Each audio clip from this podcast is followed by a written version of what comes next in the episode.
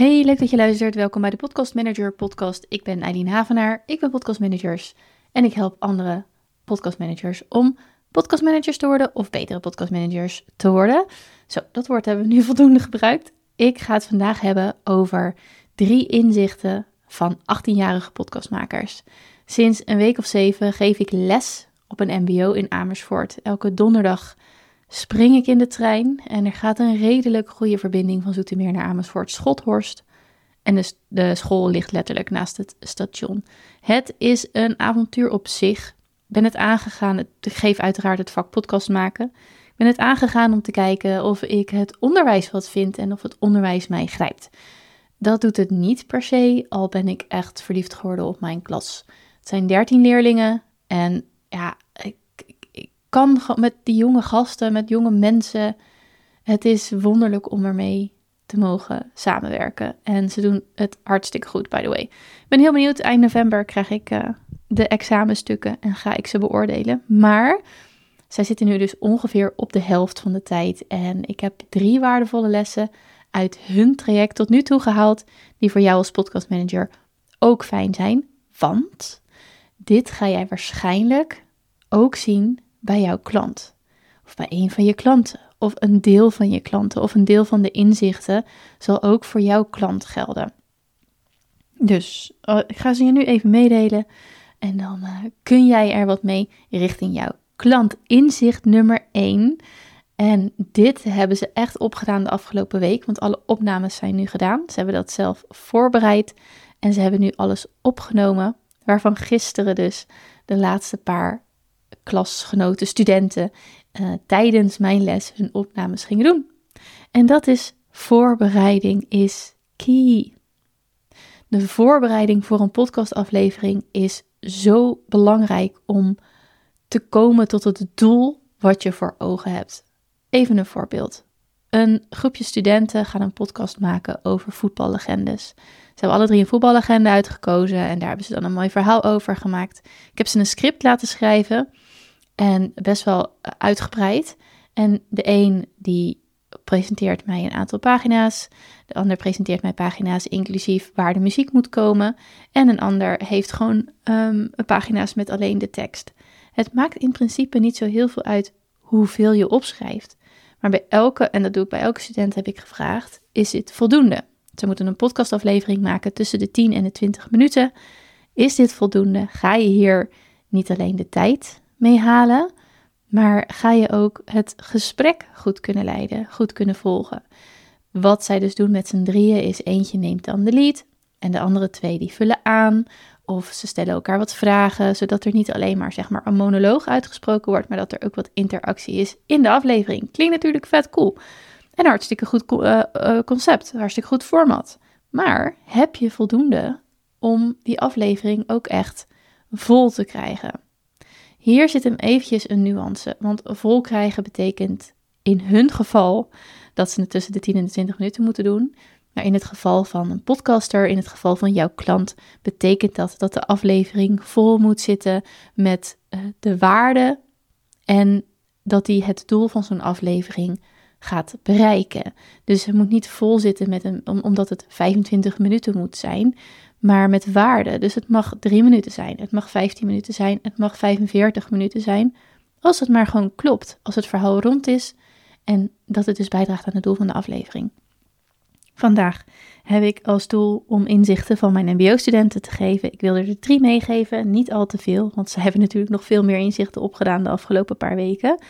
Maar dan ga ik even zitten en ik bereid me letterlijk voor door die drie inzichten even op te schrijven. Het is nog geen minuut werk, maar voorbereiding is echt key voor een goede podcastaflevering waar je de luisteraar, doe alles met liefde voor de luisteraar, waar je de luisteraar een plezier mee doet waar je dus uiteindelijk ook een goed marketingmiddel mee opbouwt.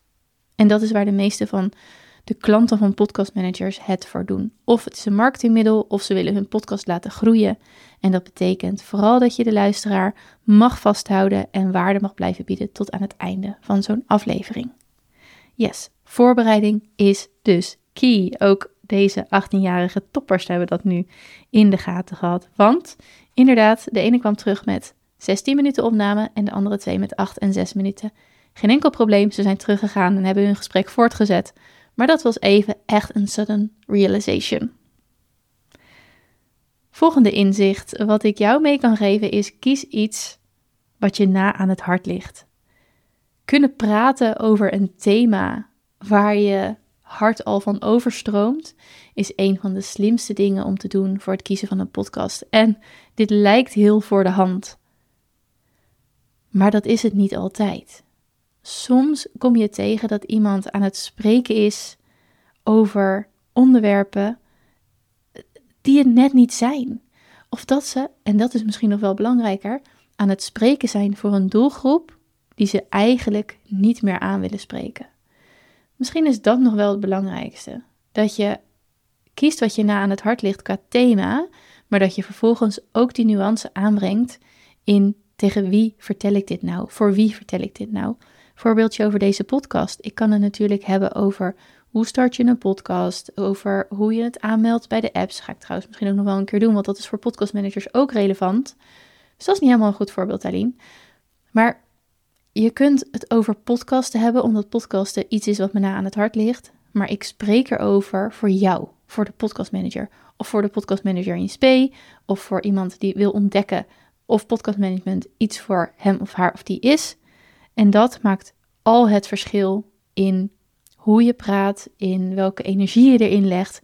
Kies iets wat je na aan het hart ligt, maar kies ook dus een groep luisteraars, een ideale luisteraar die je na aan het hart ligt. Overigens heb ik met hen ook echt over de ideale luisteraar gehad. En dat was enorm leuk, want ze weten al wat het is om persona's te maken. Uh, dus heb ik ook een aantal ontzettend leuke namen voorbij zien komen. En bijna hele levensverhalen van de fictieve ideale luisteraar. Superleuk. Maar dit kan je dus ook doen met je klant. De ene klant zal dit prettiger vinden dan de ander. Maar een vorm van een ideale luisteraar is voor elke podcast een heel goed idee. Maakt het gewoon beter. En dus ook meer effect wat je wil bereiken. Je komt dichter bij het doel dat je wilt bereiken met die podcast. Dan inzicht nummer drie.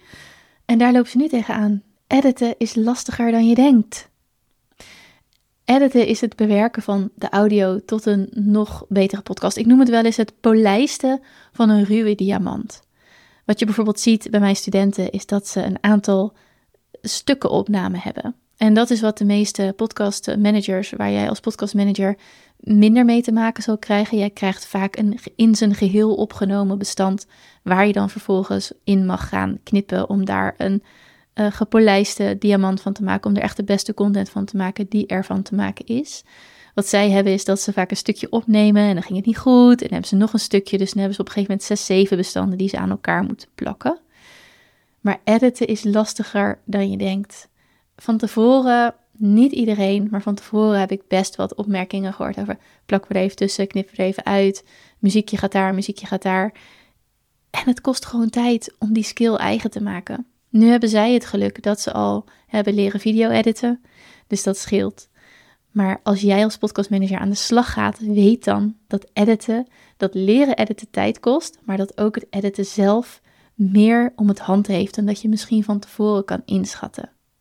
Zelfs het simpelweg ervoor en erachter plakken van de outro kost je gewoon even tijd om dat onder de knie te krijgen.